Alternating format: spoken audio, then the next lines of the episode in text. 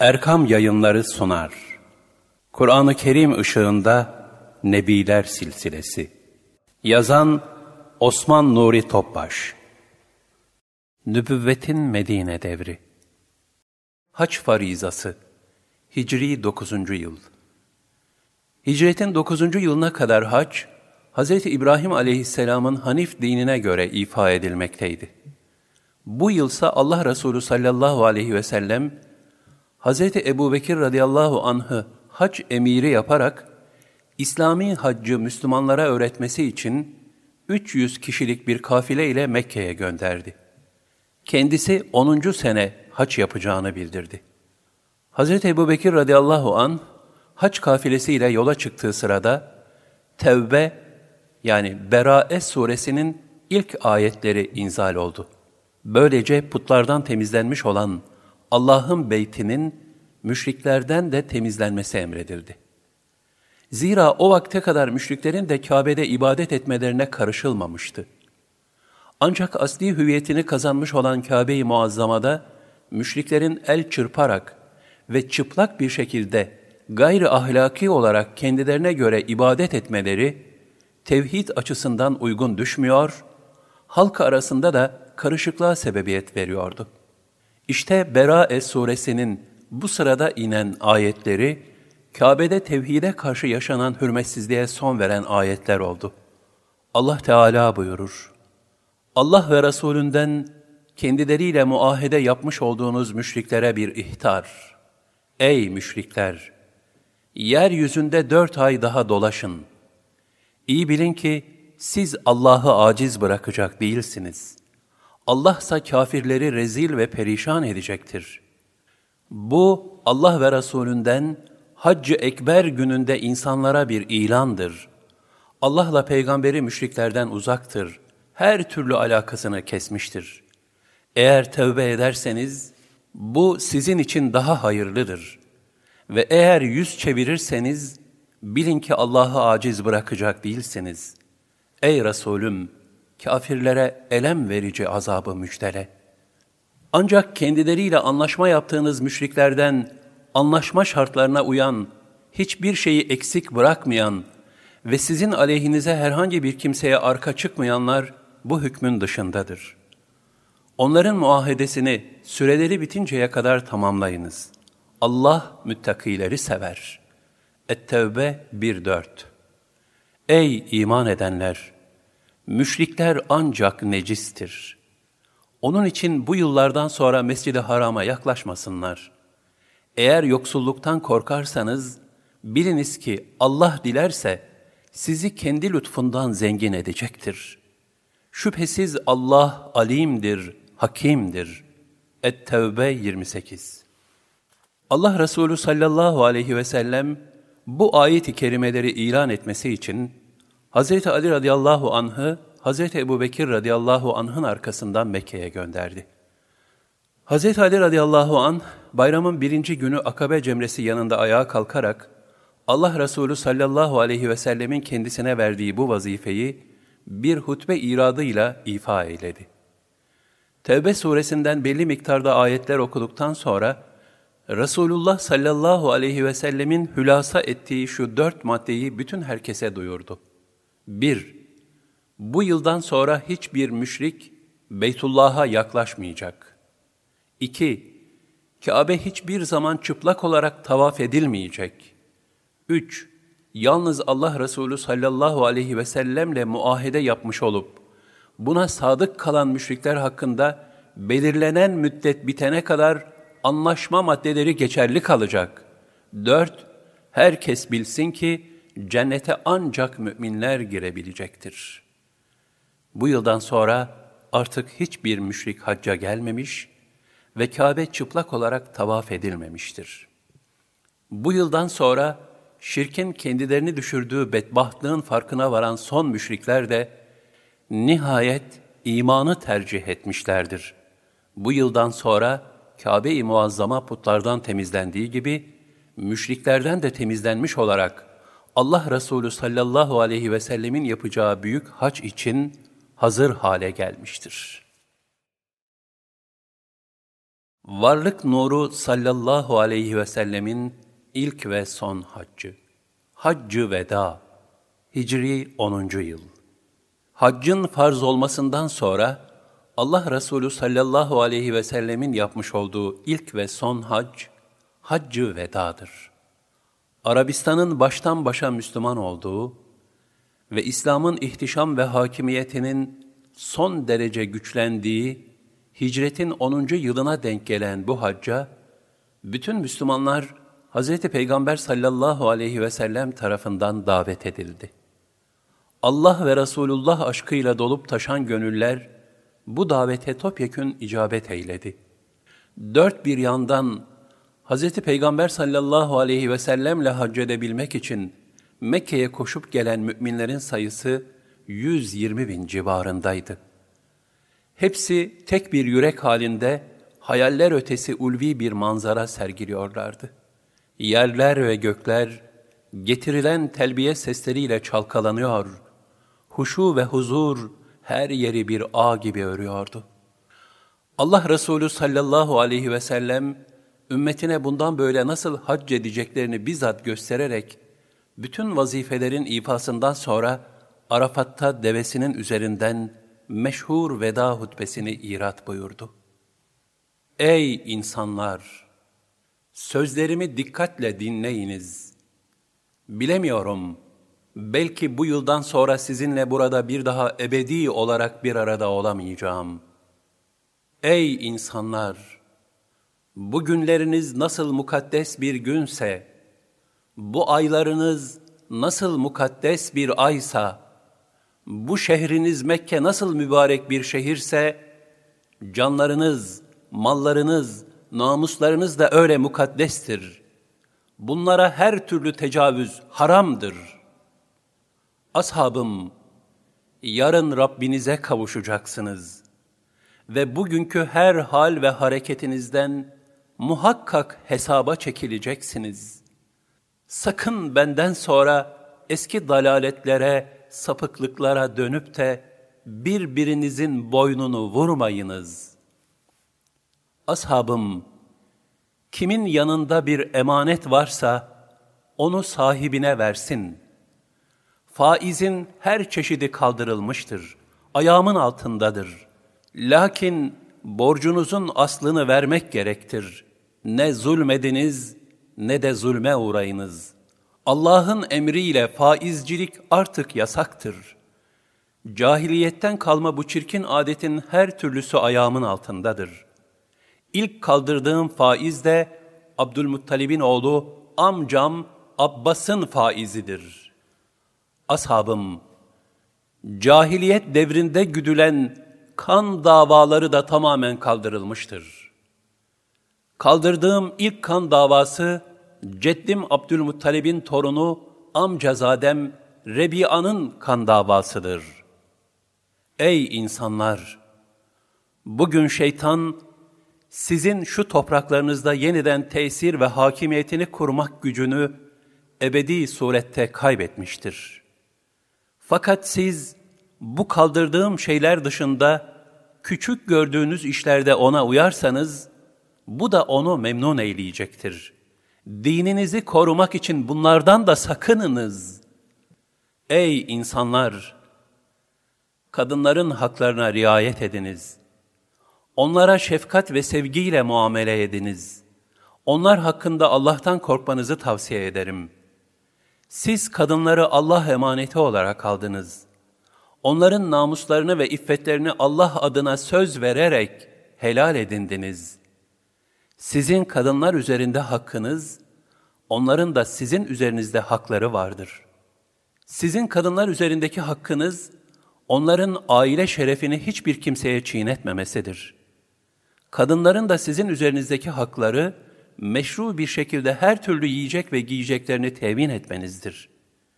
Bir kadının, kocasının izni olmadan, onun malından hiçbir şeyi başkasına vermesi, helal olmaz. Kölelerinize gelince, onlara yediğinizden yedirmeye, giydiğinizden giydirmeye dikkat ediniz. Affedemeyeceğiniz bir hata yaparlarsa izin veriniz. Fakat onlara asla eziyet etmeyiniz. Çünkü onlar da Allah'ın kuludur. Ey müminler! Sözümü iyi dinleyiniz ve iyi belleyiniz. Müslüman Müslümanın kardeşidir. Böylece bütün Müslümanlar kardeştir. Din kardeşinize ait olan herhangi bir hakka tecavüz, başkasına helal değildir. Meğer ki gönül hoşluğuyla kendisi vermiş olsun. Haksızlık yapmayın. Haksızlığa da boyun eğmeyin. Ahalinin haklarını gasp etmeyin. Ashabım, kendinize de zulmetmeyiniz. Kendinizin de üzerinizde hakkı vardır. Ey insanlar! Her cani kendi suçundan bizzat mesuldür. Hiçbir caninin işlediği suçun cezasını evladı çekemez. Hiçbir evladın suçundan da babası mesul edilemez. Ey insanlar! Cenab-ı Hak her hak sahibine hakkını Kur'an'da vermiştir. Varise vasiyet etmeye lüzum yoktur. Çocuk kimin döşeğinde doğmuşsa ona aittir. Zina eden için mahrumiyet vardır. Babasından başkasına ait soy iddia eden soysuz yahut efendisinden başkasına intisaba kalkan nankör, Allah'ın gazabına, meleklerin ve bütün Müslümanların lanetine uğrasın. Cenab-ı Hak, bu gibi insanların ne tevbelerini ne de adalet ve şehadetlerini kabul eder. Ey insanlar! Rabbiniz birdir, babanız da birdir. Hepiniz Adem'in çocuklarısınız. Adem ise topraktandır. Allah yanında en kıymetli olanınız, ona karşı en çok takva sahibi olanınızdır. Arap'ın Arap olmayana, takva ölçüsünden başka bir üstünlüğü yoktur. Ey insanlar! Devamlı olarak dönmekte olan zaman, Allah'ın gökleri ve yerleri yarattığı günkü durumuna dönmüştür.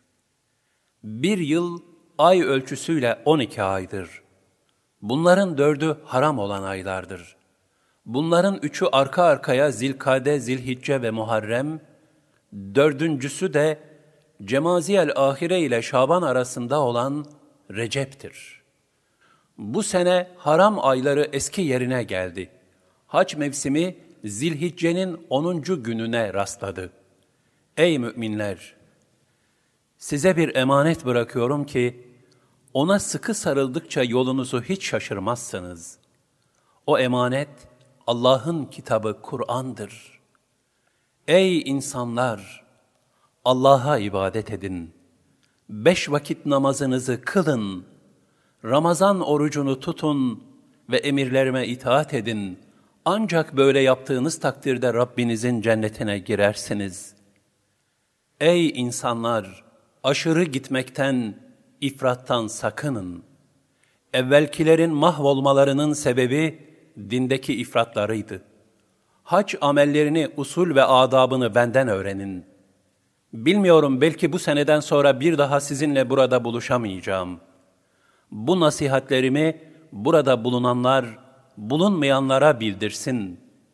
Olabilir ki bildirilen kimse, sözlerimi burada bulunup da işitenden daha iyi anlayarak muhafaza etmiş olur.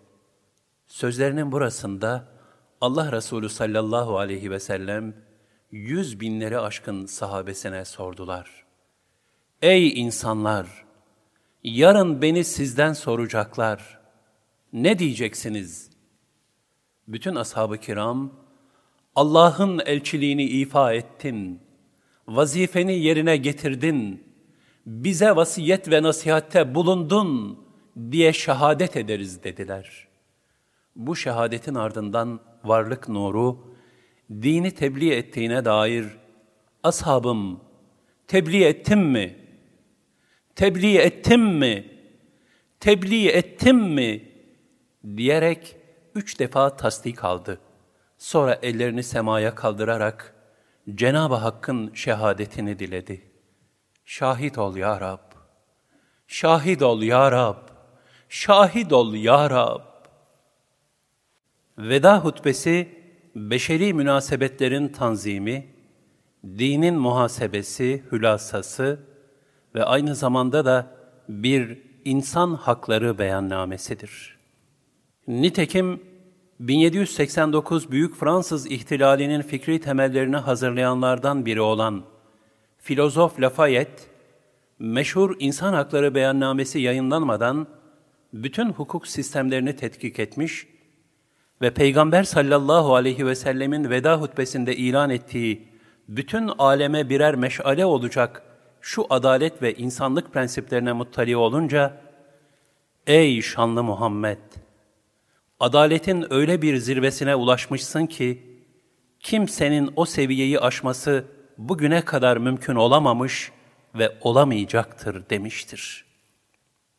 En nihayet Allah Resulü sallallahu aleyhi ve sellemin vakfede bulunup güneş battığı sırada inen ayet-i kerime ile dinin tamamlanarak kemale erdiği bildirildi.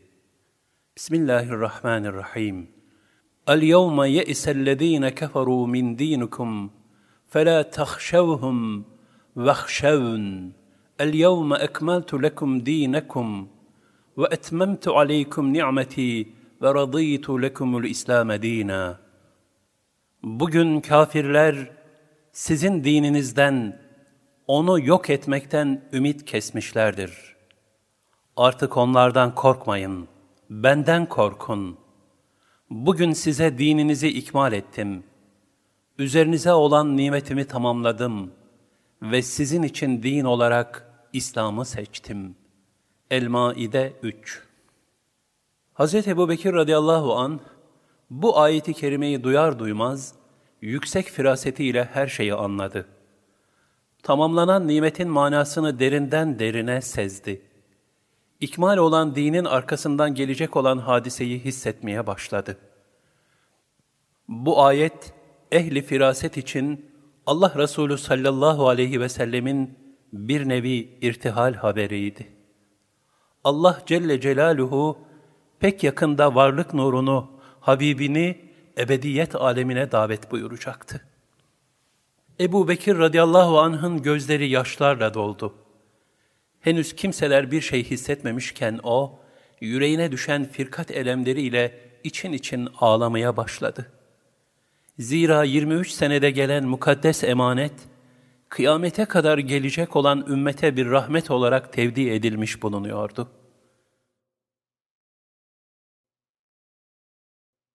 zemine düşen kahır. Hz. Peygamber sallallahu aleyhi ve sellem veda haccında Mina ile Müzdelife arasındaki Batn-ı Muhassır Vadisi'nden hızlı olarak geçtiler. Sahabi hayretle sordu. Ey Allah'ın Resulü, ne hal oldu ki süratlendiniz? Hz. Peygamber sallallahu aleyhi ve sellem, Cenab-ı Hak bu mevkide ebabil kuşlarını göndererek, Ebrehe'nin fil ordusunu helak etmişti. O kahırdan bir hisse gelmesin diye hızlandım buyurdular. Nitekim haçta bu mahalde vakfe yoktur. Rahmet ve kahır tecellisi bazen cemadata dahi aksetmektedir. Rahmetin tecelli ettiği Kabe, mescitler, salihlerin meclisleri gibi mekanlardan istifade etmelidir. Aksine kahrın tecelli ettiği mekanlardan olan isyan ve günahın irtikab edildiği yerlerden de kaçınmak icap eder. Cemaat da cezb ve incizap kanununa tabidir. Hz. Peygamber sallallahu aleyhi ve sellemin üzerinde hutbe okuduğu hurma kütüğü, o nurani hissiyatla dolmuş, Resulullah sallallahu aleyhi ve sellem başka bir yerde hutbe okumaya başlayınca da içli içli ağlamıştır. Bu hadiseyi nakleden hadisler, mütevatir olarak gelmektedir. Veda haccından sonra Allah Resulü sallallahu aleyhi ve sellem Medine-i Münevvere'ye avdet buyurdular. Ancak Cenab-ı Hak nimetini tamamlamış ve din ikmal edilmiş olduğundan artık en büyük firkat ve vuslatın vakti gelmişti. Vuslat ve büyük veda, Refik-ı Ala'ya ulvi yolculuk. Hicri 11. yıl. Nebiler silsilesinin ilk ve son halkası Seyyidül Kevneyn, Resulü Thekaleyn, İmamül Harameyn, varlık nuru, alemlere rahmet, Hazreti Muhammed Mustafa sallallahu aleyhi ve sellem, veda haccından sonra ateşli bir hastalığa tutuldular. Bu hastalık onu ümmetinden ayıracak, ömrü boyunca arzu ettiği refik alasına kavuşturacak olan ölüm hastalığıydı. Zaten Nasr suresinin nüzulü ile ecelinin yaklaştığını öğrenmiş bulunan Allah Resulü sallallahu aleyhi ve sellem artık son yolculuğa hazırlanıyorlardı. Ölülerle de dirilerle de imalı bir şekilde vedalaşmaktaydılar. Nitekim hastalanmadan bir gün önce Medine'nin Cennetül Bakı denilen mezarlığına gitmişler. Ölüler için ey büyük Allah'ım burada yatanlardan mağfiretini esirgeme diyerek dua buyurmuşlardı. Kabristandan döndükten sonra da minbere çıkarak ashabına da adeta veda mahiyetinde şu hutbeyi irad ettiler. Ben sizin Kevser havuzuna ilk erişeniniz olacak ve sizi orada karşılayacağım. Sizinle buluşma yerimiz havuzdur. Ben şu an onu görüyorum. Ben sizin hakkınızda şehadet edeceğim. Şu an bana yerin hazineleri ve onların anahtarları verildi. Vallahi ben sizin için benden sonra müşrikliğe dönersiniz diye korkmam. Fakat ben sizin için dünya ihtirasına kapılır ve onun üzerinde birbirinizi kıskanırsınız. Birbirinizi öldürürsünüz ve sizden öncekilerin yok olup gittikleri gibi siz de yok olur gidersiniz diye korkarım. Allah Resulü sallallahu aleyhi ve sellem minberden indikten sonra bir tap bir şekilde hane-i saadetlerine çekildiler. Gün geçtikçe hastalıkları daha da şiddetlendi.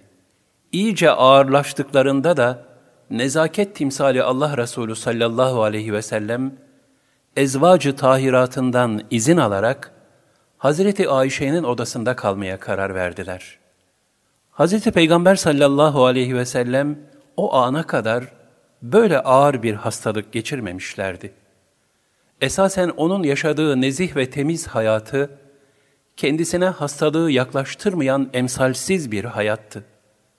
Ancak 23 yıl süren ve beşer takatinin üzerinde olan en ulvi ve sikletli bir nübüvvet yükü ki Hz. Peygamber sallallahu aleyhi ve selleme vahiy geldiğinde mübarek bedeni fazlasıyla ağırlaşırdı.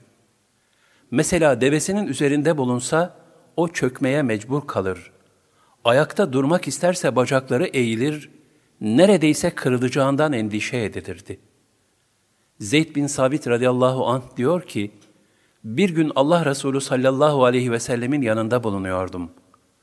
Kalabalık sebebiyle diz çökmüş olarak oturduğumuzdan dizi dizimin üzerindeydi. Birden onu vahiy hali yakaladı. Baldır kemiğimi kıracak kadar bir ağırlık hissettim. Vallahi yanımdaki Resulullah olmasaydı, acıdan çığlıkla haykırır, bacağımı çekerdim. Evet, bir nübüvvet yükü onu bir hayli yormuş, bu arada başlangıçtan beri çeşitli düşmanların binbir kötülükleri de mübarek bedenlerini yıpratmış olduğundan, kendilerine hastalığın isabet etmesini adeta mümkün kılmıştır.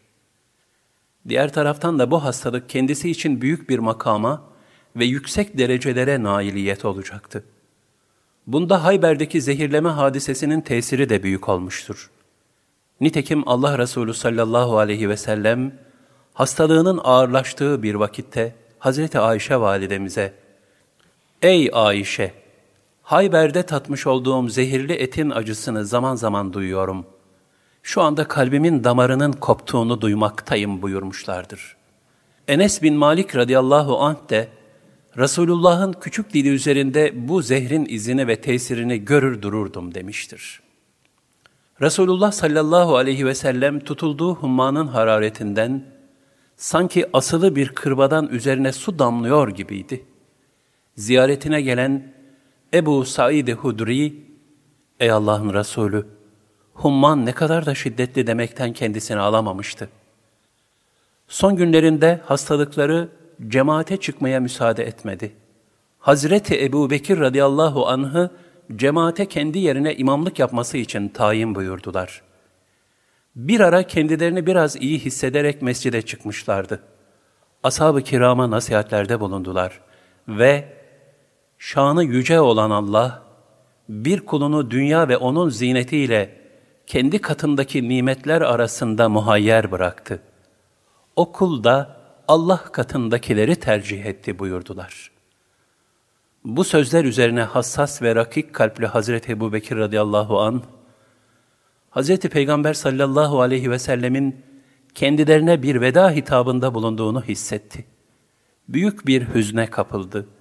Yüreği mahzunlaştı, gönlünden ve gözlerinden yaşlar dökülmeye başladı.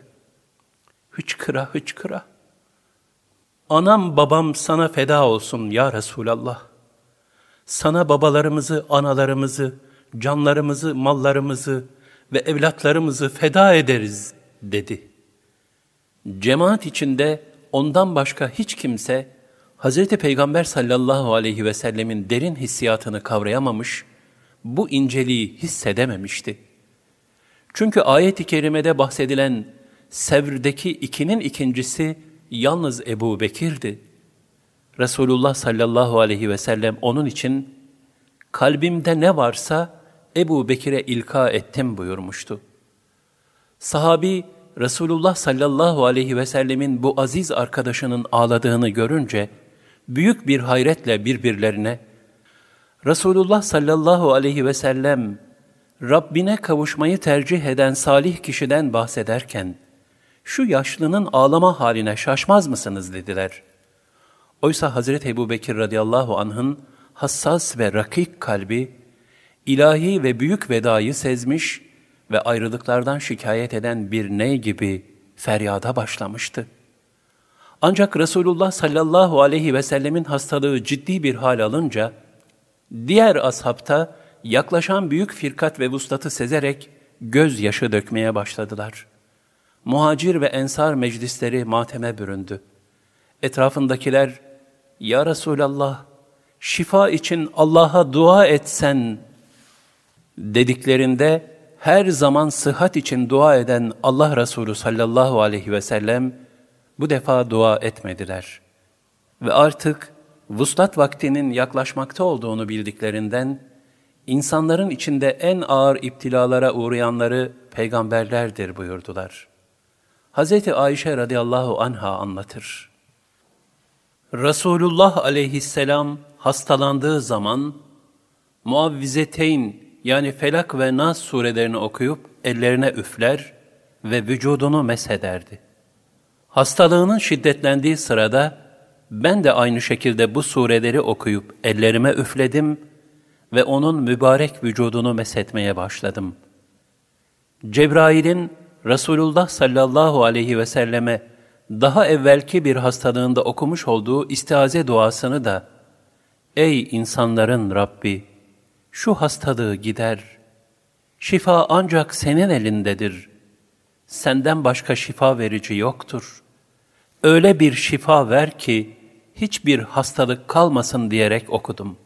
Fakat bunun üzerine Allah Resulü sallallahu aleyhi ve sellem mübarek başlarını bana çevirerek, üzerimden elini kaldır. Bu okuman artık bana fayda sağlamaz. Ben müddetimi bekliyorum buyurdular. Hazreti Ayşe validemiz devamla şöyle buyurur. Resulullah aleyhisselam muhtereme kızı derin ve ince ruhlu Fatıma'yı çağırttı. O gelince merhaba kızım buyurduktan ve onu yanına oturttuktan sonra kendisine gizlice bir şey söyledi. Fatıma ağladı. Sonra ona yine gizlice bir şey söyledi. Bu defa da Fatıma sevinerek tebessüm etti. Ben gülmenin ağlamaya, sevinmenin üzülmeye bu derece yakın olduğunu bugünkü gibi hiç görmemiştim. Fatıma'ya bu ağlama ve gülmesinin sebebini sorduğumda, tutulduğu hastalığı neticesinde vefat edeceğini haber verdi Buna ağladım. Sonra da ev halkından kendisine ilk kavuşanın ben olacağımı haber verdi. Buna da sevindim dedi. Hastalığı esnasında Allah Resulü sallallahu aleyhi ve sellem hafiflediği zamanlar cemaate birkaç vakit namaz kıldırabildi. Bunların birinde gönüllerini peygamberlerinin irtihal edeceği hissiyle büyük bir hüzün burukluğu kaplayan ashab-ı kirama şöyle buyurdu. Ey insanlar! Duydum ki sizler peygamberinizin vefat edeceğinden korkuyormuşsunuz. Benden evvel gönderilip de ümmeti içinde daimi olarak kalmış bir peygamber var mıdır ki, ben de sizin içinizde sürekli kalayım. İyi biliniz ki ben Rabbime kavuşacağım. Ona siz de kavuşacaksınız. Muhakkak ki bütün işler Yüce Allah'ın izniyle cereyan eder. İyi biliniz ki ben sizden önce gidecek ve sizi bekleyeceğim. Dikkat ediniz. Yarın ahirette sizinle buluşma yerimiz Kevser havuzunun başıdır. Yarın benimle buluşmak isteyen elini ve dilini günahtan çeksin. Ey insanlar! Günah, nimetlerin değiştirilmesine sebep olur.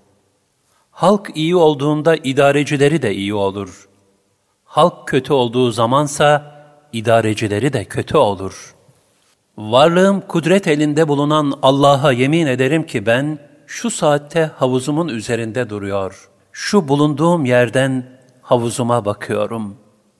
Allah Resulü sallallahu aleyhi ve sellem sözlerinin burasında hıçkırarak ağlayan Ebu Bekir radıyallahu anh'a baktı ve ''Ey Ebu Bekir ağlama!''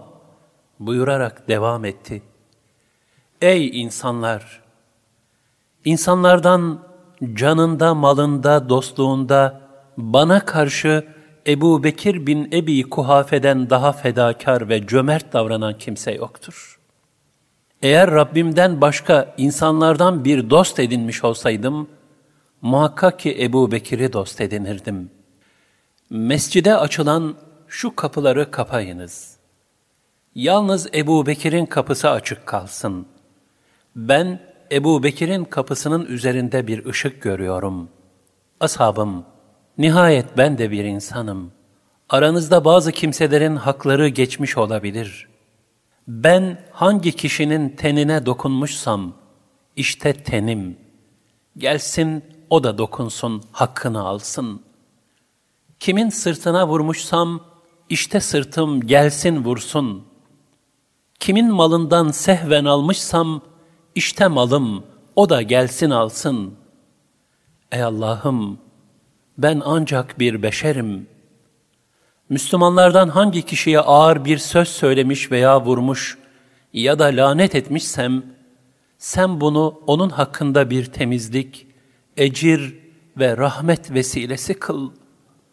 Allah'ım, hangi mümine ağır bir söz söylemişsem, sen o sözümü kıyamet gününde o mümin için sana yakınlığına vesile kıl. Böylece Allah Resulü sallallahu aleyhi ve sellem adeta bir hakkı ibad helalleşmesi yapıyordu. Bu ifadelerden sonra yorgun bir şekilde tekrar odalarına döndüler. Bir daha namaza çıkamadılar. Yalnız bir defasında kendilerinde biraz hafiflik hissederek Hz. Ebu Bekir radıyallahu anh'ın ardında namaz kıldılar.'' Nihayet son olarak 12 Rabiül Evvel pazartesi sabahı yine kendilerinde bir hafiflik hissetmişlerdi. Ancak bedeni takatleri cemaate çıkmaya yetmedi. Bunun üzerine oda kapısının perdesini kaldırdılar ve o esnada Hazreti Ebu Bekir'in imamlığında sabah namazı kılan sevgili ashabını son kez seyrettiler. Onları yan yana saf tutmuş, cemaatle namaz halinde görmekten memnun kalarak sürur içinde tebessüm buyurdular. O sabah Allah Resulü sallallahu aleyhi ve sellem daha evvel hazırladığı ancak rahatsızlığı dolayısıyla hareketi geciken ordunun yola çıkmasına emir buyurdu. Tayin ettiği genç kumandan Üsame bin Zeyd'e Allah'ın bereketi üzere kuşluk vakti yola çıkınız tembihinde bulundu.'' O gün Allah Resulü sallallahu aleyhi ve sellem, Ayşe radıyallahu anhanın yanında bulunan altı yedi dinarı fakirlere dağıtmasını emrettiler. Bir müddet sonra da dinarların ne olduğunu sordular. Hastalıklarıyla meşgul olma telaşında olan Hazreti Ayşe'nin onları dağıtmayı unutmuş olduklarını öğrenince dinarları isteyip avuçlarına aldılar. Sonra Allah'ın peygamberi Muhammed bunları fakirlere dağıtmadığı, yanında bulundurduğu halde Rabbine kavuşacağını sanacak değil, ifadelerinin ardından onların hepsini ensar fakirlerinden beş ev halkına dağıttılar da, işte şimdi rahatladım buyurarak hafif bir uykuya daldılar. İşte ardı arası kesilmeyen bir infak. O gün Allah Resulü sallallahu aleyhi ve sellem ehli beytine şöyle seslendi. Ey insanlar! Ateş alevlendi. Dikkat edin, karanlık gece kıtaları gibi fitneler geliyor. Sanki istikbaldeki hadiseleri gözler önüne seriyordu. Ben ancak Allah'ın kitabı olan Kur'an'ın helal kıldığını helal, O'nun haram kıldığını haram kıldım. Ey Resulullah Muhammed'in kızı Fatıma! Ey Safiye! Allah katında makbul ameller işleyiniz. Salih amelleriniz yoksa bana güvenmeyiniz. Çünkü ben kulluk yapmadığınız takdirde sizi Allah'ın azabından kurtaramam. O gün Allah Resulü sallallahu aleyhi ve sellem, aman aman ellerinizdeki kölelerinize iyi davranınız. Onların giyimlerini ihmal etmeyiniz. Karınlarını doyurunuz.'' Onlara yumuşak söz söyleyiniz.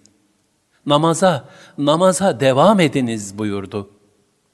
O gün Allah Resulü sallallahu aleyhi ve sellem iştiyakla misvak kullandı. Hazreti Ayşe validemiz derler ki, Resulullah dişlerini misvaklarken onun bu kadar güzel misvak kullandığını görmemiş gibiydim. O gün Allah Resulü sallallahu aleyhi ve sellem Cenab-ı Hakk'a şöyle niyaz etti. Ey Allah'ım! Beni merhametinle ihata et. Beni Refik-i Ala'ya kavuştur. Ey Allah'ım! Beni merhametinle ihata et. Bana rahmetini ihsan et. Beni Refik-i Ala olan yüce zatına kavuştur. O gün Allah Resulü sallallahu aleyhi ve sellem kızı Hazreti Fatıma'yı teselli etti. Ey kızım, sakın ağlama. Ben öldüğüm zaman inna lillahi ve inna ileyhi raciun de. O gün Allah Resulü sallallahu aleyhi ve sellem Uhud'un en sıkıntılı zamanlarında Resulullah öldü feveranı üzerine dağılmaya yüz tutan asaba ihtar sededinde kendisi hakkında nazil olan şu ayeti kerimeyi okudu. Bismillahirrahmanirrahim. Ve ma Muhammedun illa rasul. Kad halet min kablihi rusul. Efe immate ev kutilen kalebtum ala a'kabikum. Ve men yenkalib ala akbeyhi felen yedurrallaha şey'en ve seyeczillahu şakirin. Muhammed bir rasuldür. Ondan önce de rasuller gelip geçmiştir.'' Şimdi o ölür veya öldürülürse, ökçenizin üzerinde gerisin geriye mi döneceksiniz? Kim böyle iki ökçesi üzerinde ardına dönerse, elbette ki Allah'a hiçbir şeyle zarar vermiş olmaz. Allah, şükür ve sebat edenlere mükafat verecektir. Ali İmran 144 O gün Allah Resulü sallallahu aleyhi ve selleme, vahiy meleği Cebrail aleyhisselam gelerek, sana selam olsun ey Allah'ın Resulü, bu senin için yeryüzüne ayak basışımın sonuncusudur dedi. O gün Allah Resulü sallallahu aleyhi ve sellem daha evvel buyurduğu, hiçbir peygamberin ruhu cennetteki durağını görmedikçe alınmaz. Sonra durağına gitmesi arzusuna bırakılır sözlerinin tecellisini yaşadı. O gün Allah Resulü sallallahu aleyhi ve selleme Azrail aleyhisselam geldi ve yanına girmek için izin istedi. Müsaade aldıktan sonra alemlerin efendisinin önünde durarak, Ya Resulallah, ey Ahmet, Yüce Allah beni sana gönderdi. Senin her emrine itaat etmemi de emir buyurdu. Eğer sen arzu edersen ruhunu alacağım. Arzu etmezsen ruhunu sende bırakacağım dedi. O sırada yanlarında bulunan Cebrail aleyhisselam da, Ey Allah'ın Resulü, Yüce Allah seni özlemektedir dedi. O gün Allah Resulü sallallahu aleyhi ve sellem, kendisinden müsaade isteyen ölüm meleğine, Ey Azrail! Allah katında olan daha hayırlı ve daha devamlıdır. Ey ölüm meleği! Haydi emrolunduğun şeyi yerine getir. Ruhumu al buyurdu. Ardından mübarek ellerini yanındaki su kabına batırıp ıslatarak yüzlerine sürdü ve ilahi hasretle dolu hayatının vuslat kapısından geçerken kelime-i tevhidi terennüm ederek Ey Allah'ım, Rafik-i Ala, Rafik-i Ala diye diye mübarek ruhu şeriflerini teslim eyledi. Yüzlerini ıslattıkları mübarek eli yanındaki su kabının içine düştü. Yıllar önce inzal buyurulan inneke meyyitun ve innehum meyyitun Ey Resulüm! Sen de öleceksin, onlar da ölecekler. Ez-Zümer 30 ayet-i kerimesi tecelli etti. Allahümme salli ala seyyidina Muhammedin ve ala alihi ve sahbihi ve barik ve sellim. Ey Allah'ım! Efendimiz Muhammed aleyhisselama, aline ve ashabına salat eyle. Hepsini mübarek kıl ve onlara selam eyle.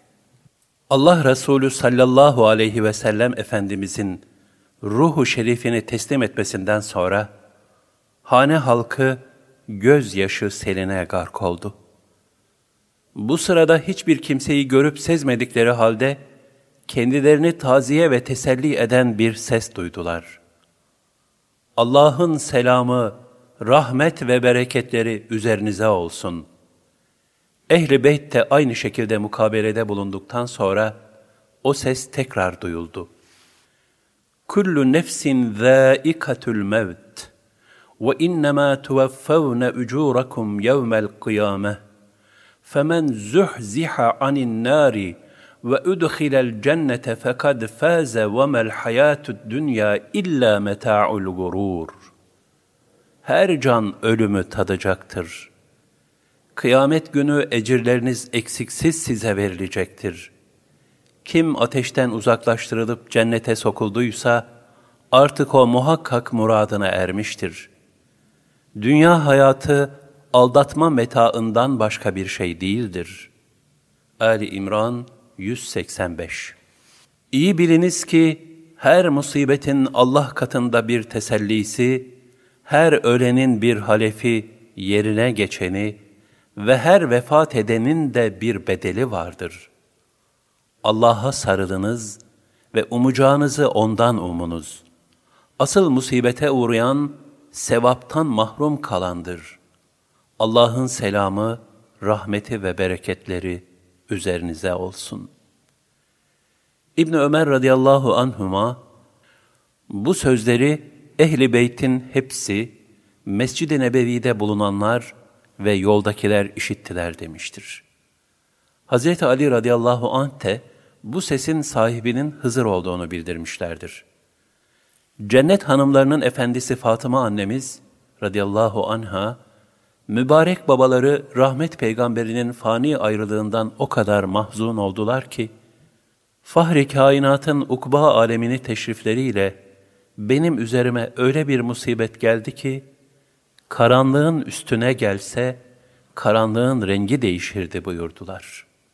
Allah Resulü sallallahu aleyhi ve sellemin Medine'ye dönüşlerinden sonra, 13 gün kadar süren çetin hastalıkları neticesinde, 632 miladi yılının 8 Haziran'ı, Hicri 11. yılın 12 Rabiülevvel pazartesi günü artık kendilerine cemal ufukları açılmış, o yüce Habib, Refika alasına kavuşmuşlardı. Ashab-ı kiram şunu hissediyorlardı ki, doğup batan güneşin hiç değişmeyen ışığında gizli bir şey soluyordu. Öyle ki o günden sonra Peygamber müezzini Bilal-i Habeşi radıyallahu an o semaları kaplayan güzel sesiyle bir daha ezan okuyamadı. Ne zaman ashab kendisine çok ısrar edip de Hazreti Bilal ezan okumaya niyet etse, mihrapta Allah Resulü sallallahu aleyhi ve sellemi göremeyince hıçkırıklarla boğazı tıkandı, sesi kısıldı, yine ezan okuyamadı. İçini kavuran aşk ateşini söndürebilmek için Şam'a gitti. Hazreti Ömer devrinde rüyasında Resulullah sallallahu aleyhi ve sellemin bir işareti üzerine kabri şerifi ziyaret için Medine'ye geldi. Allah Resulü sallallahu aleyhi ve sellemin torunları Hazreti Hasan'la Hazreti Hüseyin'in ısrarları üzerine bir sabah ezanı okuyabildi. O anda bütün Medine halkı Mescid-i Nebevi'nin yollarına dökülerek Allah Resulü sallallahu aleyhi ve sellem dirildi zannettiler. Peygamber aşığı Bilal, ezanın şehadet bölümünde yine hıçkırıklara boğularak olduğu yerde yığılıverdi. Annemiz Ümmü Seleme radıyallahu anha rivayet eder ki, Allah Resulü sallallahu aleyhi ve sellemin son anı, yalnız tesbih, tenzih, tevbe ve hamd halindeydi. Ya Rabbi, seni tesbih ederim, sana tevbe ederim, sana hamd ederim demekteydi. Onun iki kürek kemiği arasında nübüvvetine ait ilahi bir nişan vardı. Birçok sahabi onu öpebilmenin aşkı ve hasreti içinde yaşardı. İmam Beyhakî buyuruyor ki, Resul-i Ekrem sallallahu aleyhi ve sellem hazretleri ebedi aleme göç ettikleri zaman, mübarek yüzlerinde hiçbir değişiklik görülmediğinden, ashab-ı kiram onun ahirete intikalinden şüpheye düştüler. Bunun üzerine Esma radıyallahu anha, arkalarındaki mübarek nübüvvet mührünü aradı. Kaybolduğunu görünce, ukba alemini şereflendirdikleri taayyün etmiş oldu. Din kemal bulmuş, sahabiden tebliğin bizzat tasdiki alınmış ve Cenab-ı Hakk'a şehadeti arz edilmişti. Ardından varlık nuru ebediyet alemine çağrılmıştı. Şimdi o mahşerde, sıratta ve Havz-ı Kevser'de ümmetini beklemektedir. Şefaat ya Resulallah, medet ya Resulallah, dahilek ya Resulallah. 12 Rabiül Evvel pazartesi günü doğup dünyayı şereflendirmişlerdi. Ve 12 Rabiül Evvel pazartesi günü Allah tarafından kendilerine nübüvvet vazifesi verilmişti. Ebu Katade Hazretleri şöyle rivayet eder. Hazreti Peygamber sallallahu aleyhi ve selleme pazartesi gününün orucundan soruldu. O da cevaben, bu benim doğum günüm ve peygamber olarak gönderildiğim gündür buyurdular. Yine bir 12 Rabiül Evvel ayının pazartesi sabahı Medine'ye girerek yeni kurulan ve kıyamete kadar devam edecek olan İslam devletinin temelini atmışlardı. Ve nihayet bir 12 Rabiül Evvel pazartesi günü de ahiret alemine intikal ettiler. Onun doğumu, peygamberliği, hicreti ve irtihalinin ilahi bir tecelli olarak hep 12 Rabiül Evvel pazartesi günlerine rastlaması bu ayın kutsiyetinin ve öneminin bir nişanesidir. Cemal ve celal tecellisi olarak sevincin heyecanı ve hüznün burukluğu beraber yaşanmaktadır. Gönül ikliminde bayram neşesiyle irtihal elemleri, zıt bir hassasiyet beraberliği içindedir. Yine o, ukbada şefkatle şefaat için ümmetini beklemektedir. Allah Resulü sallallahu aleyhi ve sellemin dünyadan saadet alemine irtihaliyle ondan mahrum kalan dünyanın vefasızlığını Aziz Mahmud Hüdayi Hazretleri şu mısralarıyla tasvir eder. Kim umar senden vefayı, yalan dünya değil misin? Muhammedül Mustafa'yı alan dünya değil misin?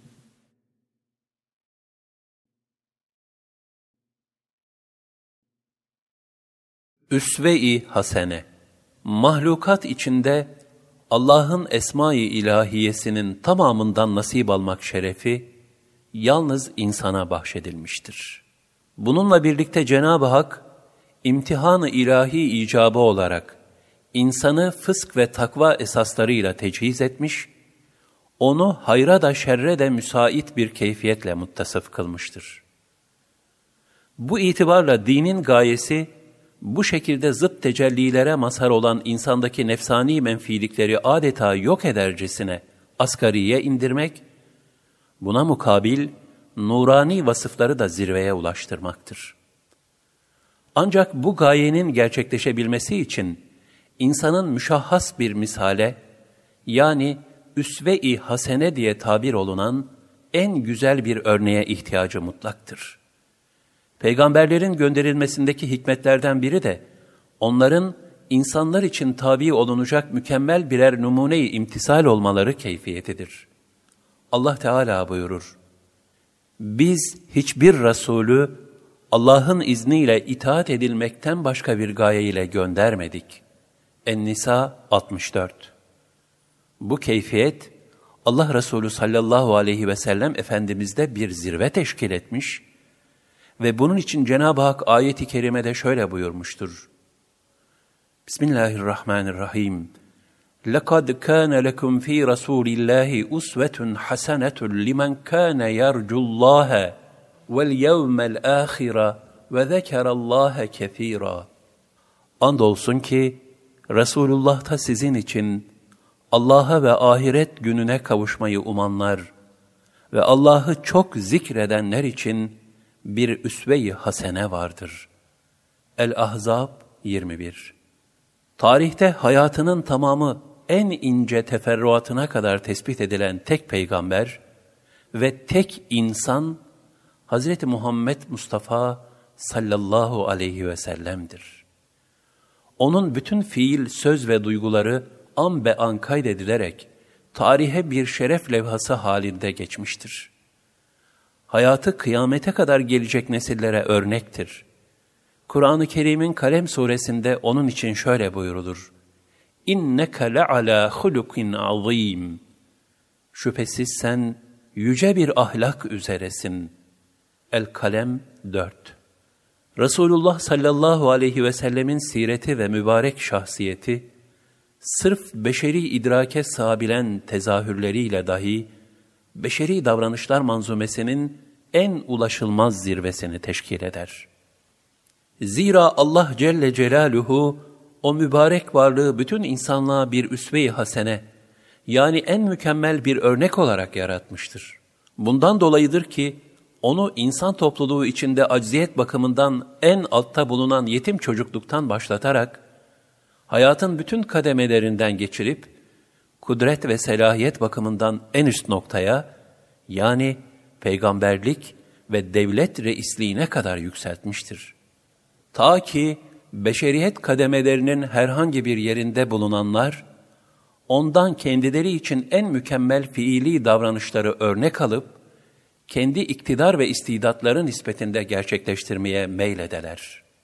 Bu da ona duyulan muhabbet ve onun ruhaniyetine bürünebilme nispetindedir.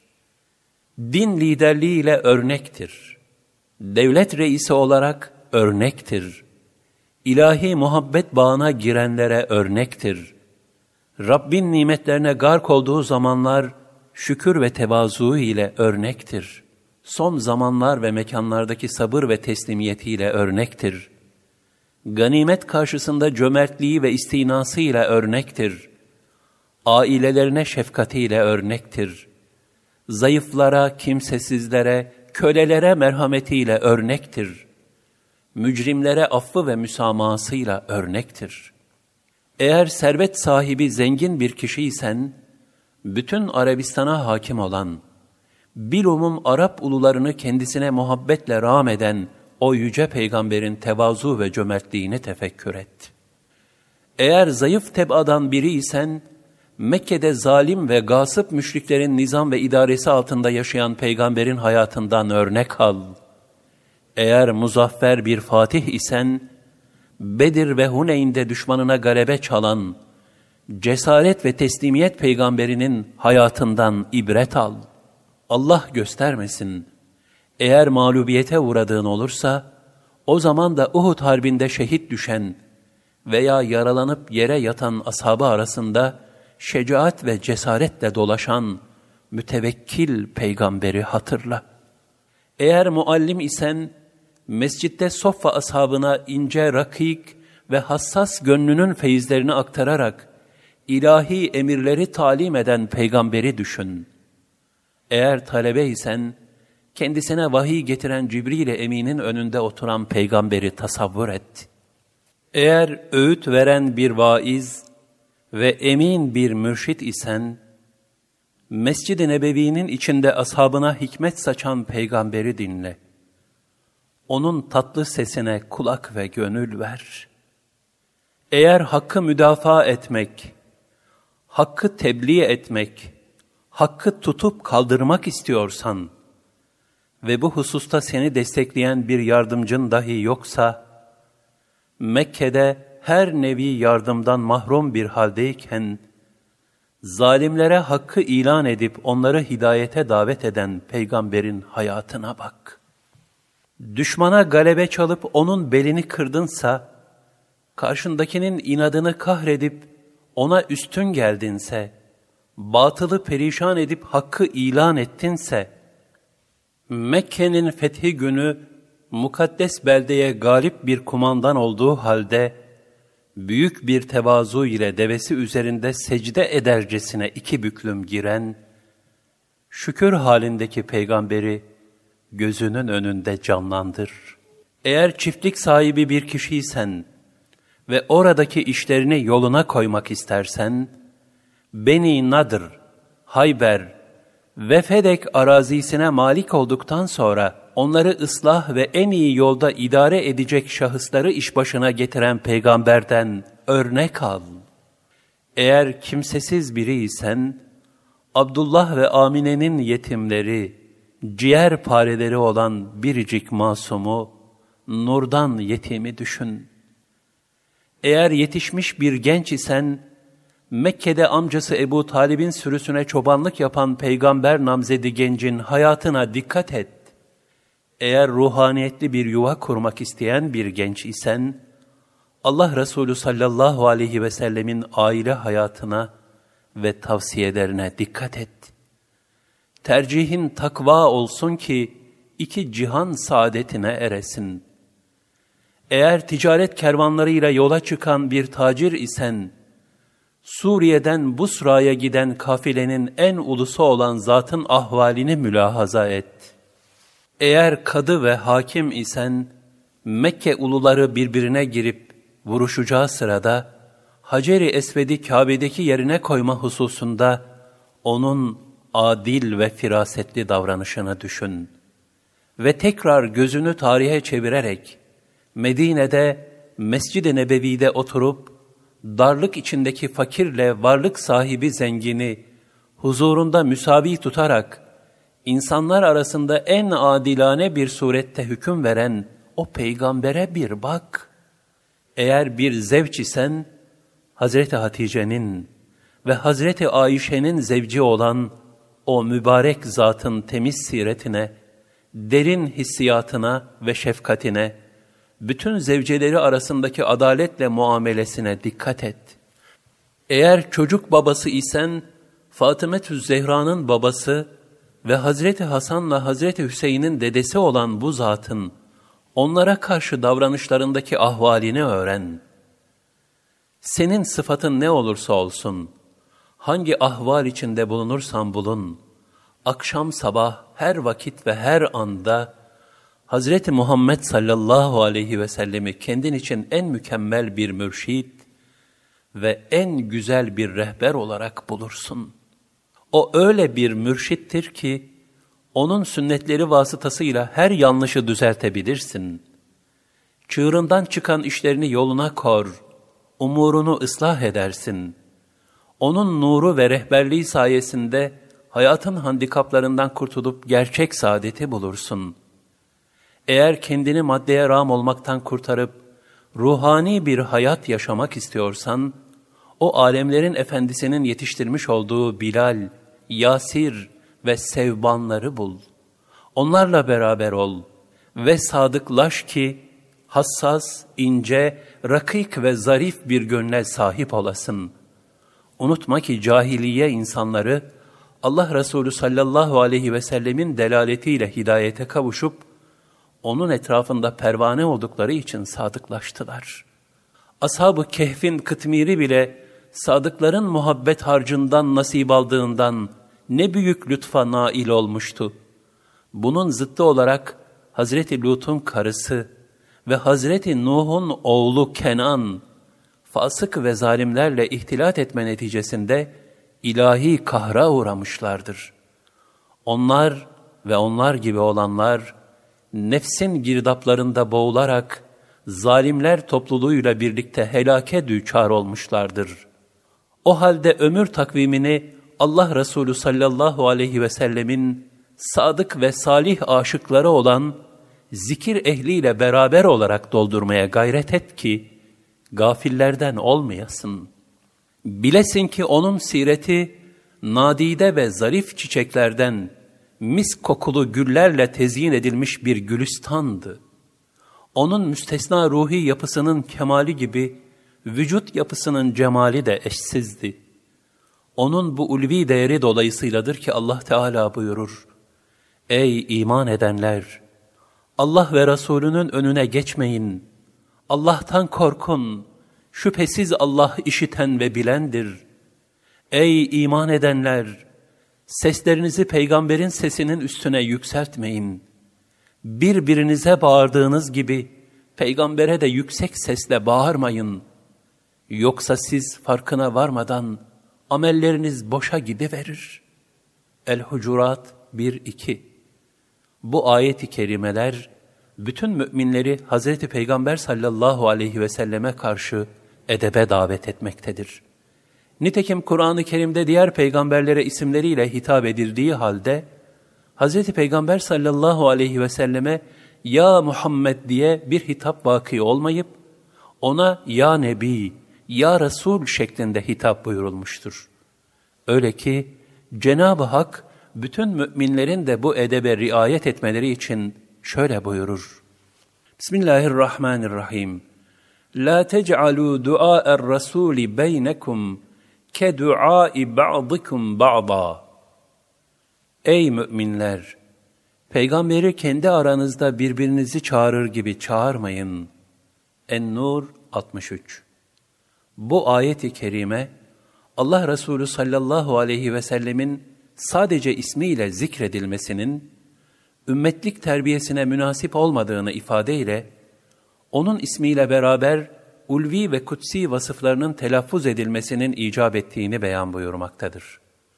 Dolayısıyla Allah Resulü sallallahu aleyhi ve sellem, Nebi, Resul, Resulullah, Habibullah, Fahri Alem, Resul-i Ekrem ve benzeri sıfatlarla yad edilmeli, ayrıca Ahzab suresinin 56. ayeti kerimesinde ilahi ferman mucibince ismi şerifi her zikredildiği yerde ona salatü selam getirilmelidir. Bu peygamber sallallahu aleyhi ve selleme karşı bütün ümmete Cenab-ı Hakk'ın arzu ve emir buyurduğu adaptandır. Ayet-i kerimede buyurulur. Bismillahirrahmanirrahim. Allah ve melaiketehu yusallun alen nebi. Ya eyyühellezine amenu sallu aleyh. Sallu aleyhi ve sellimu teslima. Şüphesiz ki Allah ve melekleri peygambere çokça salat ederler. Ey müminler! Siz de ona salavat getirin ve tam bir teslimiyetle selam verin. El-Ahzab 56 O, Kur'an'ı yalnız lafzan öğreten bir muallim değil, aynı zamanda Kur'an'ı yaşayan canlı bir örnekti. Cabir radıyallahu anh'ten rivayet edilen bir hadisi şerifte Hazreti Peygamber sallallahu aleyhi ve sellem, Allah Celle Celaluhu beni güzel ahlakı tamamlamak üzere gönderdi buyurmuşlardır. 1400 seneden beri telif edilen bütün İslami eserler bir kitabı yani Kur'an-ı Kerim'i ve bir insanı yani Hazreti Peygamber sallallahu aleyhi ve sellemi izah etmek içindir. Cenab-ı Hak yalnız onun için le amruke buyurarak onun hayatı üzerine yemin etmiştir. Hakikati Muhammediye'ye yaklaşabilmek, akıldan ziyade muhabbet ve aşkla mümkündür. Bütün sırlar Muhammedi hakikatle çözülebilir. Bu da Resulullah sallallahu aleyhi ve sellemin üsve-i hasenesinden nasip alabilmek, nefsani dünya zevklerinden uzaklaşıp, ibadet, kulluk ve marifet sırlarına erebilmekle mümkündür. İnsan, ruhaniyet-i Muhammediye'den nasip almaya başlayınca, bir zerafetler meşheri ve icat bediası haline gelir ve ilahi tecellilerin sırları, nurları ve hakikatleri kendisine rekz olunur. Muhakkak ki Kur'an'ın sırları, Allah Resulü'nün ruhaniyetine bürünen kalbin esrarına göre faş olur. Zira bizler için yegane üsve-i hasene olan Allah Resulü sallallahu aleyhi ve selleme tabi olma hususunda Allahu Teala ayet-i kerimelerde şöyle buyurur. Bismillahirrahmanirrahim. وَمَا آتَاكُمُ الرَّسُولُ فَخُذُوا وَمَا نَهَاكُمْ عَنْهُ فَانْتَهُوا وَاتَّقُوا اللّٰهَ اِنَّ اللّٰهَ شَد۪يدُ الْعِقَابِ Resul size ne verdiyse onu alın. Size neyi yasakladıysa ondan da kaçının ve Allah'tan korkun. Çünkü Allah'ın azabı şiddetlidir. El-Haşr 7 Ey iman edenler! Allah'a itaat edin ve peygambere itaat edin ki, amellerinizi boşa çıkarmayın. Muhammed 33 Kim Allah'a ve Resul'e itaat ederse, işte onlar Allah'ın kendilerine nimet verdiği peygamberler, sıddıklar, şehitler ve salihlerle beraberdir. Onlar ne güzel dostlardır. En-Nisa 69 Bismillahirrahmanirrahim. Kul in kuntum tuhibbunallaha fettebi'uni yuhibbukumullahu ve yaghfir lekum zunubakum. Vallahu gafurur rahim. Kul eti'ullaha ve rasule fe in tevellev fe innallaha la yuhibbul kafirin. Ey Resulüm de ki, eğer Allah'a muhabbet ediyorsanız, onu seviyorsanız, bana tabi olunuz ki Allah da sizi sevsin ve günahlarınızı mağfiret buyursun. Allah gafur ve rahimdir. Yine ey Resulüm de ki, Allah'a ve Resul'e itaat ediniz. Eğer yüz çevirirlerse, muhakkak ki Allah kafirleri sevmez. Ali İmran 31-32 Kim ki Allah'a ve Resulüne itaat eder ve Allah'tan korkup onun azabından korunursa, işte onlar kurtuluşa erenlerdir. En-Nur 52 Mümin erkekler ve mümin kadınlar birbirlerinin velisidirler. İyiliği emreder, kötülükten men eder, namazı kılar, zekatı verir ve Allah ve Resulüne itaat ederler. Allah işte onlara rahmet ve merhamet edecektir. Şüphesiz Allah aziz ve hakimdir. Et-Tevbe 71 Kim Resul'e itaat ederse Allah'a itaat etmiş olur. Kim de yüz çevirirse, ey Resulüm bil ki, biz seni onlar üzerine bekçi göndermedik. En-Nisa 80 Bilmediler mi ki, kim Allah'a ve Resulüne karşı koymaya kalkarsa, ona içinde sürekli kalacağı cehennem ateşi vardır. İşte büyük rezillik budur. Et-Tevbe 63 Bismillahirrahmanirrahim. Ve ati'u Allah ve Rasulehu ve la tenaza'u fetefşelu ve tezhebe rihukum vasbiru innallaha ma'as sabirin. Allah'a ve Resul'e itaat edin. Birbirinizle çekişmeyin. Yoksa korkuya, vehme kapılırsınız da rüzgarınız, güç, kuvvet, devlet ve elinizdeki nimetler gider.'' Sabredin. Çünkü Allah sabredenlerle beraberdir. El-Enfal 46 Muhakkak ki mümin, Resulullah sallallahu aleyhi ve sellemin muhabbeti karşısında, ilahi ürperişlerini ve bedii duygularını hissettiği, ruhunu nefsaniyete ait bütün çizgi ve görüntülerden boşalttığı vakit, onun muhabbet ve örnek şahsiyetinden hisse alma yoluna girmiş olur. İlk yaratılan nur, onun nurudur. Cismi nazifanelerinde zindelik, kuvvetli haya ve müthiş bir azim bir aradaydı. Örtüsüne bürünmüş, bakire bir genç kızdan daha edepliydi. Onun rikkati kalbiyesinin derinliğini izah edebilmek mümkün değildir. Yüzünde nuri melahat, sözlerinde selaset, hareketlerinde letafet, lisanında talakat, kelimelerinde fesahat, beyanında fevkalade belagat vardı. Fuzuli söz söylemeyip her kelamı hikmet ve nasihatti. Lügatinde asla dedikodu ve malayani yoktu. Herkesin akıl ve idrakine göre söz söylerdi. Mülayim ve mütevazıydı. Gülmesinde kahkaha gibi aşırılık olmazdı. Daima mütebessimdi. Onu ansızın gören kimseyi haşyet sarardı. Onunla ülfet ve sohbet eden kimse, ona canu gönülden aşık ve muhip olurdu. Derecelerine göre fazilet erbabına ihtiram eylerdi. Akrabasına da ziyade ikram ederdi. Ehli beytine ve ashabına hüsnü muamele ettiği gibi, sair nasa dahi rıfk ve lütf ile muamele ederdi. Hizmetkarlarını pek hoş tutardı. Kendisi ne yer ve ne giyerse, onlara da onu yedirir ve onu giydirirdi. Cömert, ikram sahibi, şefkatli ve merhametli, gerektiğinde cesur ve gerektiğinde de halim idi. Ahd-ı vaadinde sabit ve kavlinde sadıktı. Hüsnü ahlakça, akıl ve zekaca cümle nasa faik ve her türlü methü senaya layık idi. Elhasıl sureti güzel, sireti mükemmel, misli yaratılmamış bir vücudi mübarek idi. Resulullah sallallahu aleyhi ve sellemin hüznü daimi, tefekkürü aralıksızdı. Zaruret olmaksızın konuşmazdı. Sükunet hali uzun sürerdi. Bir söze başlayınca yarım bırakmadan tamamlayarak bitirirdi. Birçok manaları birkaç kelimede toplar, öyle söylerdi. Sözleri tane taneydi ne lüzumundan fazla ne de azdı. Yaratılış olarak yumuşak olmasına rağmen gayet salabetli ve heybetliydi. Öfkelendiği zaman yerinden kalkmazdı. Hakka itiraz edilmesinin, hakkın çiğnenmesinin haricinde öfkelenmezdi.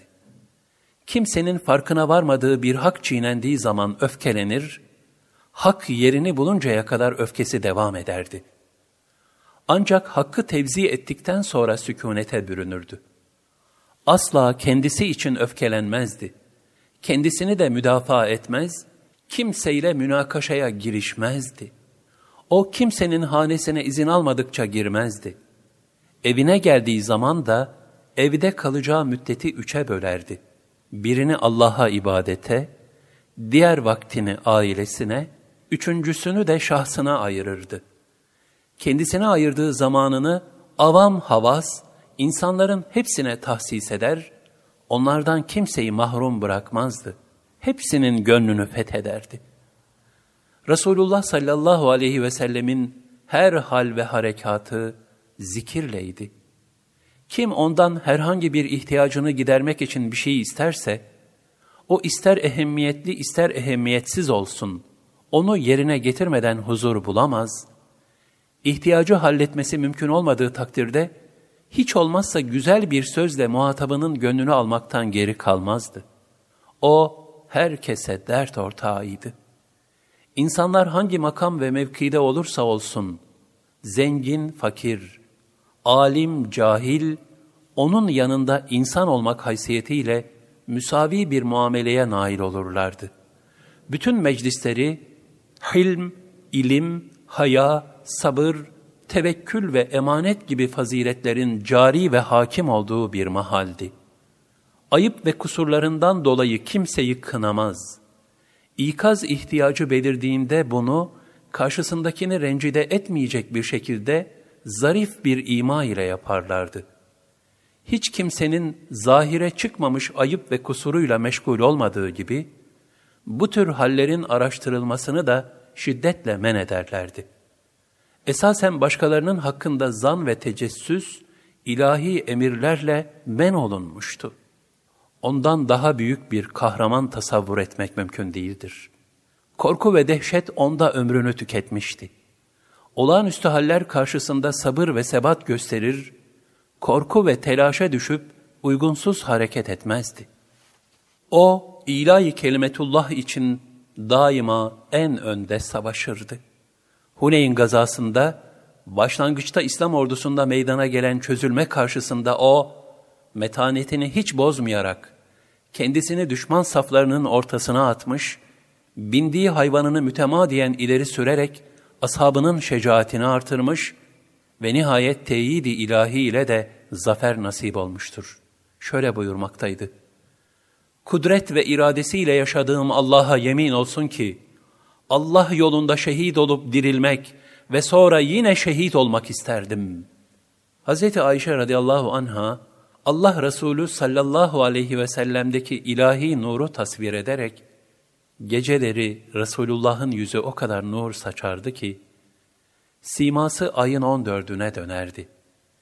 Gecenin karanlığında ipliği iğneye onun yüzünün aydınlığında geçirirdim buyurmuşlardır. Onun mübarek şahsiyetlerinden hisse alarak, onda fanileşen ümmetin gönül erleri, kıyamete kadar Allah Resulü sallallahu aleyhi ve sellemin muhabbetine ne güzel örnekler sergilemişlerdir.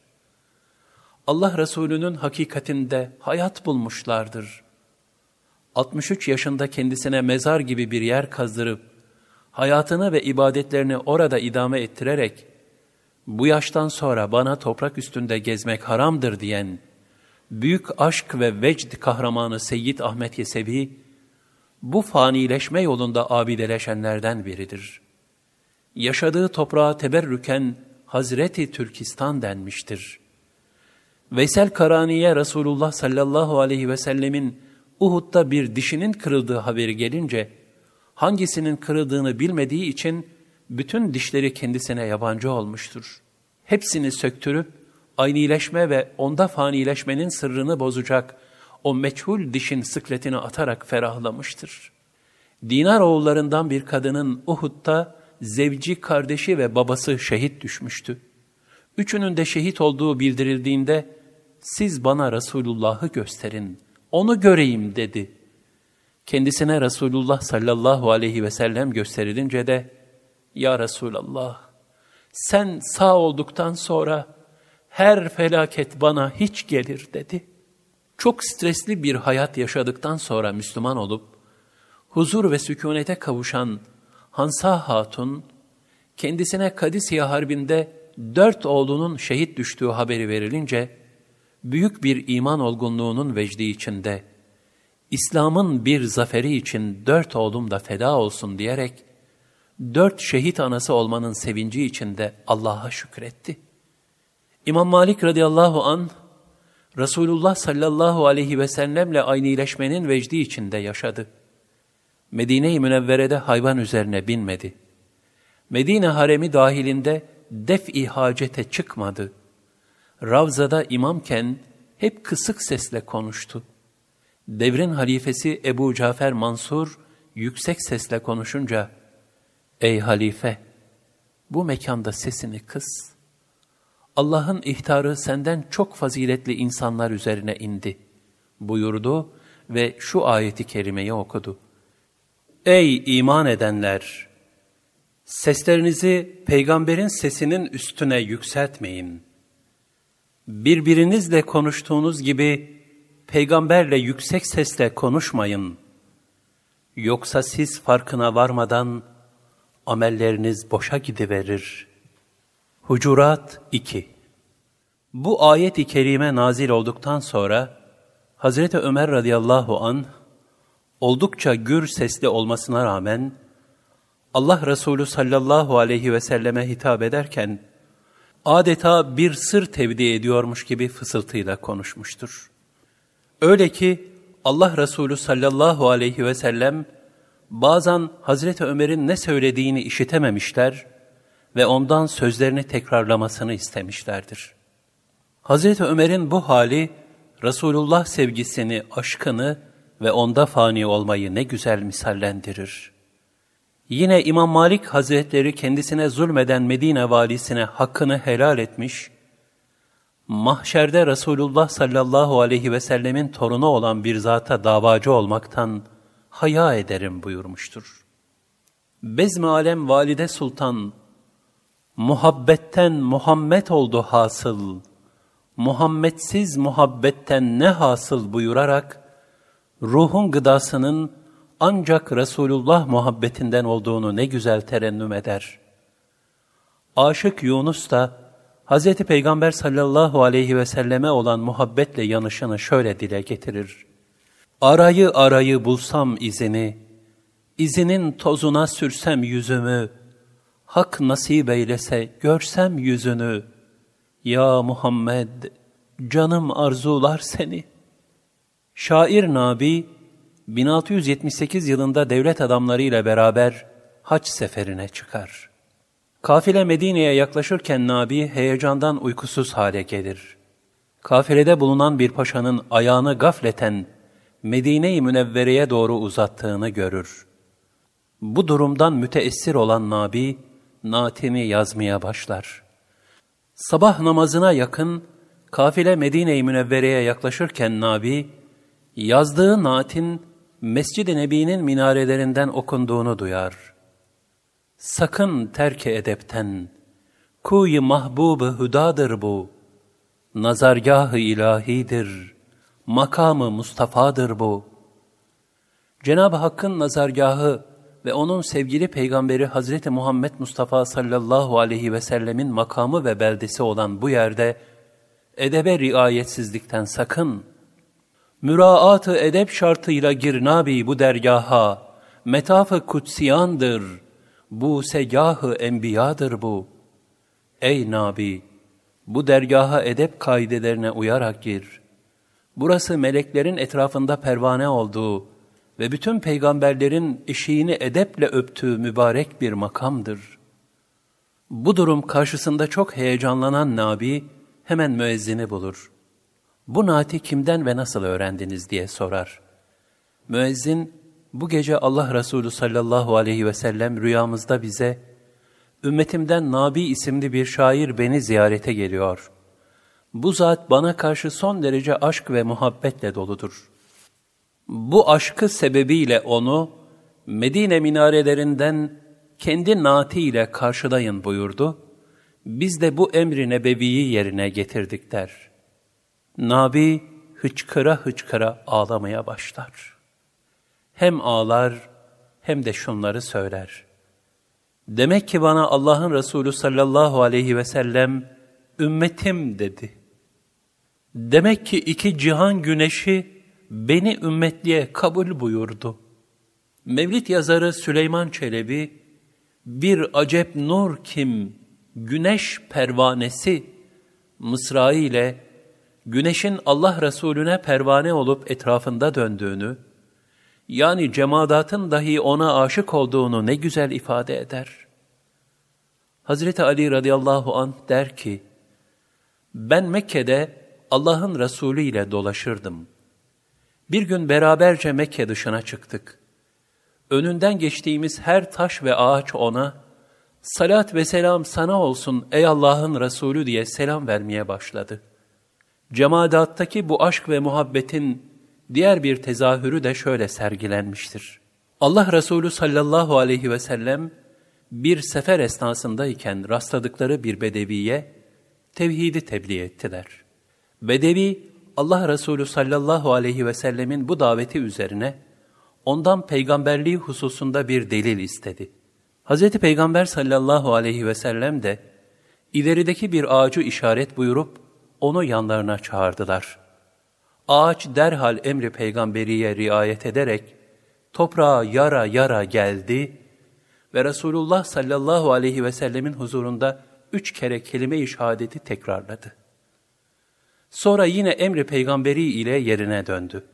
Bu mucizeyi hayretler içerisinde müşahede eden Bedevi, büyük bir şaşkınlıkla Resulullah sallallahu aleyhi ve sellemin önünde yere çökerek, izin ver sana secde edeyim diye haykırdı. Allah Resulü sallallahu aleyhi ve sellem de asla kulun kula secdesi haram kılınmıştır buyurdular. Yalnızca cemaat değil, hayvanat ve diğer varlıklar da Allah Resulü sallallahu aleyhi ve sellemi tanır ve itaat ederlerdi. Bu hususu Abdullah bin Cabir radıyallahu an şu rivayetle anlatır. Resulullah sallallahu aleyhi ve sellemle birlikte bir seferden dönüyorduk. Medine'de Neccar oğullarının bahçelerine gelince, bahçelerden birinde hiç kimseyi içeri sokmayan, girmeye kalkana saldıran bir deve bulunduğunu öğrendik.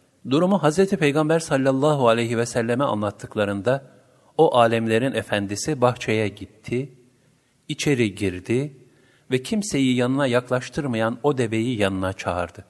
Resulullah sallallahu aleyhi ve sellemin sesini duyan deve, dudağını yere temas ettirecek kadar başını eğerek onun yanına geldi ve huzurunda yere çöktü. Allah Resulü sallallahu aleyhi ve sellem, bana bir yular getirin buyurdular.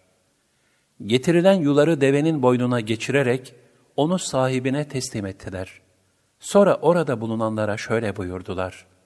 Cinlerin ve insanların isyankar olanları dışında, yer ve gökte bulunan bütün varlıklar, benim Allah'ın Resulü olduğumu bilirler. Düşünmeliyiz ki, cemaat ve hayvanattaki bu ulvi muhabbet haline nazaran bizler, acaba Allah Resulüne ne kadar teslim oluyor, yolunda ne kadar fedakarlıkta bulunabiliyoruz? Bilmeliyiz ki bilhassa şu günlerde onun ruhaniyetine ne kadar çok muhtacız. Şairin Kum ya seyyidel vera, kad kâmetil kıyame. Kalk ey alemlerin efendisi, kıyamet kopmaktadır diyerek ifade ettiği çalkantılı bir zaman içindeyiz. Salavatlarımız, yani onunla selamlaşmamız ve ona olan muhabbetimiz, bizler için ne büyük bir teselli menbaıdır.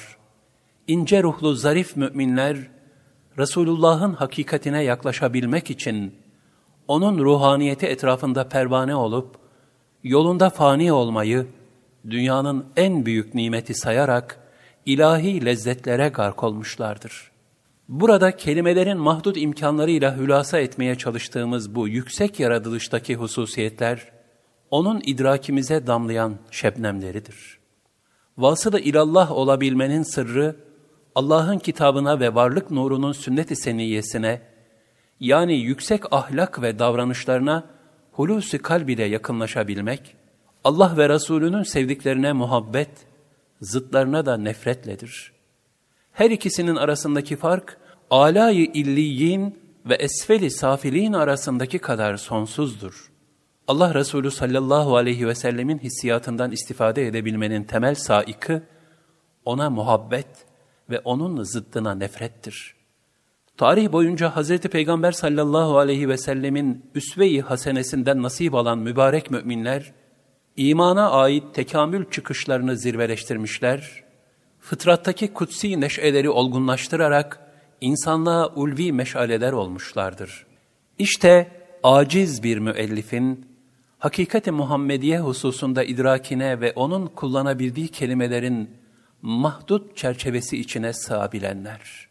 İtiraf ederiz ki, bu naçiz eserin iki kapağı arasında ve kelam suretinde malum ve meçhul muhataplarına sunulabilenler, sonsuz bir okyanustan birkaç damlacık mesabesindedir. Nitekim bu ifadeler, dipsiz bir sükutun ihtişamlı kapısı önünde işte tükendiler.